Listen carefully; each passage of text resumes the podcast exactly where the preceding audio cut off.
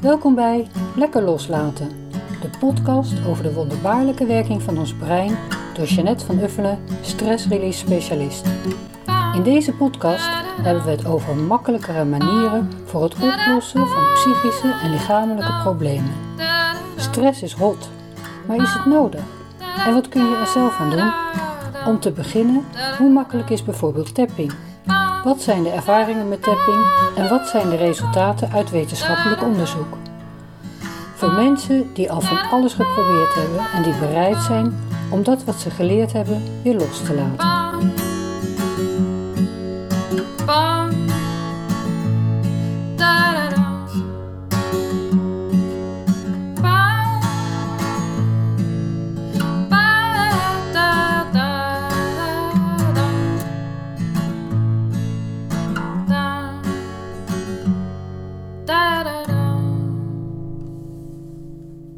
Deze week werd ik enorm verrast door een video op YouTube. En vervolgens heb ik er nog een paar zitten kijken. Het waren namelijk video's van Richard Downs. En Richard Downs is een klant van mij. En hij kwam ooit bij mij voor podiumvrees. En allerlei andere angsten die hij inmiddels had. En we hebben online sessies gedaan. En daarna was het klaar. Tenminste klaar. Richard had ook nog wel wat aan zichzelf te werken. Maar heel veel angsten die hij toen had, die zijn volkomen verdwenen inmiddels. Hij was beroepsviolist en dat is hij eigenlijk nog steeds. Maar hij had echt zo'n hekel gekregen aan die viool. Omdat dat associeerde met alle angst en pijn die daarbij zat inmiddels. En alle druk en spanning. Dat hij uh, het laatste jaar, laatste twee jaar, heeft hij vooral geschilderd en ik heb nog steeds contact met hem. Af en toe, dan uh, bellen we elkaar. En we volgen elkaar via social media. En hij had gewoon geen zin meer in die viool. En toen zag ik dus nu dat hij gewoon heerlijk zat te spelen. Dat hij, uh, nou, zowel oldschool Bach, uh, air van Bach zat te spelen. Prachtig. Maar ook nieuwe composities maakte. Want hij is ook, hij is violist, maar ook componist. Hij maakt echt zijn eigen orkest. En die band luistert hij, of band, dat is natuurlijk helemaal geen band meer. En dan speelt hij er live op mee. En ik vond het zo, het ontroerde mij om het te zien. Ik werd er heel blij van. Dus ik reageerde meteen op die video's en nou ja, dat vond hij leuk om te horen. En toen zei hij inderdaad dat hij weer super geïnspireerd is. Dus het is heel mooi om te zien hoe iemand die, nou ja, ik heb gezien hoe die aan toe was. Dus het is echt zo fijn dan om te zien hoe die er nu aan toe is. En het verhaal van Richard mag ik vertellen. Hij heeft meteen gezegd: Oh, deel het, zet het op je website. Ik heb dus al een blog van hem geschreven in 2000, nou weet ik veel, 18 of 19. En dat heb ik soms ook later nog aangepast. En hij wil graag dat ik dat verhaal deel, want hij zegt: Ik wil dat mensen jou weten te vinden. Hij stuurt ook wel mensen naar mij door. Want je hebt me zo ontzettend geholpen. Eh, om allerlei redenen. Dus ik heb ook mooie feedback van hem gekregen. Gewoon eerlijke feedback. We waren het echt niet altijd met elkaar eens. En soms vond hij mij ook verschrikkelijk lastig. Omdat ik hem wel behoorlijk heb aangepakt. Die man zat vast. Hij woonde bij zijn ouders. Hij kon de deur niet meer uit. Dus ik moest wel. En alles online. Ja, dat is soms wel jammer. Tegelijk kan je ook zien, ja, het is gewoon nog uitdagender. Het is natuurlijk een ander verhaal om naar iemand toe te gaan. Ik bedoel, als hij hier in de buurt had gewoond, was ik naar hem toe gegaan, was ik samen met hem gaan lopen. Maar ja, dat kon niet, want hij zat in Amerika. Uh, dus maar ik heb hem echt letterlijk de straat opgestuurd. Wel verantwoord natuurlijk. Wel tevoren met hem getapt en zorgde dat hij de goede mindset had als hij naar buiten ging. Maar ja, er was ook moed en lef voor nodig. Ik heb dat verhaal dus uh, al een tijdje op mijn website staan, dus ik dacht dat ga ik nu delen. Uh, voor in mijn podcast ga ik het vertellen. En mocht je het willen vinden, de titel is Loskomen van angst, depressie en slapeloosheid. En ik zie nu, ik heb het geschreven, of de, ja, ben ermee begonnen in november 2018. In april van dit jaar, 2018, ontving ik een bericht uit Northern Carolina van Richard Downs, die mij vroeg of ik hem kon helpen. Hij had online mijn video's bekeken. En even tussendoor, hij had niet één video bekeken, hij had echt alles bekeken wat ik online heb staan. Dus dat was ook zo interessant. En waar, waarop hij zijn keuze heeft gemaakt dat hij met mij wilde werken. Was voor mij ook heel leerzaam, want ik denk bij iedere video, en zeker toen nog, van ja, moet ik dit nou wel online zetten? En wie ben ik om dat te doen? Of wat hebben mensen eraan? Wat hij toen vertelde, dat hij zei, ja, ik heb al die video's gezien en dat vind ik jouw beste video. Nou, dat ik zelf natuurlijk, zo zit ik ook in elkaar. Ik kan heel erg kritisch zijn ten aanzien van mezelf. Maar toen hij zei, die video heeft mij enorm geholpen. En dat is een video die heet Are You Ready? En die is echt houtje touwtje opgenomen. Maar toen dacht ik, nou ja, die laat ik dan maar op mijn site staan. En dat heeft me ook heel erg gestimuleerd om meer dingen te gaan doen. En zeker ook om deze podcast te doen. Om te delen uh, de ervaringen van mijn klanten en mijn ervaringen. En mijn kennis en mijn gedachten over wat je nog allemaal kan doen om je leven beter en makkelijker te maken. Maar goed, dat was het dus. Hij had me online mijn video's bekeken. En later schreef hij: Jeannette is een combinatie van kennis, geduld en een oprechte toewijding om anderen te helpen genezen. Met haar hulp en aanmoediging ben ik op weg om mijn leven terug te krijgen. Richard is een professionele violist en componist die de hele wereld heeft rondgereisd om concerten te geven, zowel solo als in orkesten en combo's. Als wij met de eerste sessie beginnen, is hij net 50 geworden, helemaal vastgelopen en nauwelijks in staat om de deur uit te gaan. Hij woont weer bij zijn ouders en wordt verlamd door angst en slapeloosheid. Hij probeert af te kicken van Prozac en Trazodon, dat zijn dus angstremmers en antidepressiva. Maar hij heeft al een week helemaal niet geslapen.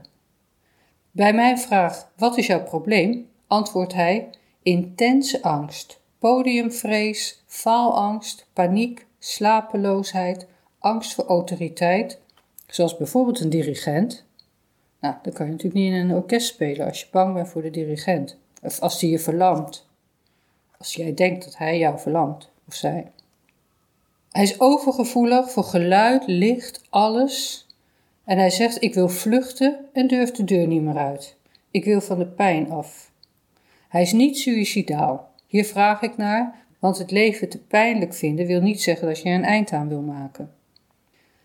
Hij zegt: Ik voel een diep verdriet, huil om alles en maak me zorgen om mijn ouders. Een wanhopig gevoel van eenzaamheid en isolement. En ik ben bang dat het niet meer goed komt en dat ik de rest van mijn leven afhankelijk ben van antidepressiva en slaappillen die niet eens helpen. Ja, en dat is ook funeste, de angst dat het niet meer goed komt. In de sessies heb ik het verhaal van Richard uh, te horen gekregen en dat vat ik een beetje samen. In Richard werd op jonge leeftijd muzikaal talent ontdekt. Hij is de oudste zoon in een gezin dat uit Nicaragua naar de Verenigde Staten vluchtte.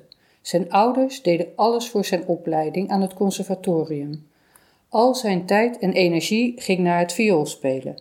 Hij was niet alleen bang om te falen en zijn ouders teleur te stellen, maar had ook de last op zijn jonge schouders om op te treden bij allerlei gelegenheden en te bewijzen hoe vrij en blij hij was in het nieuwe land, waar hij zich helemaal niet thuis voelde.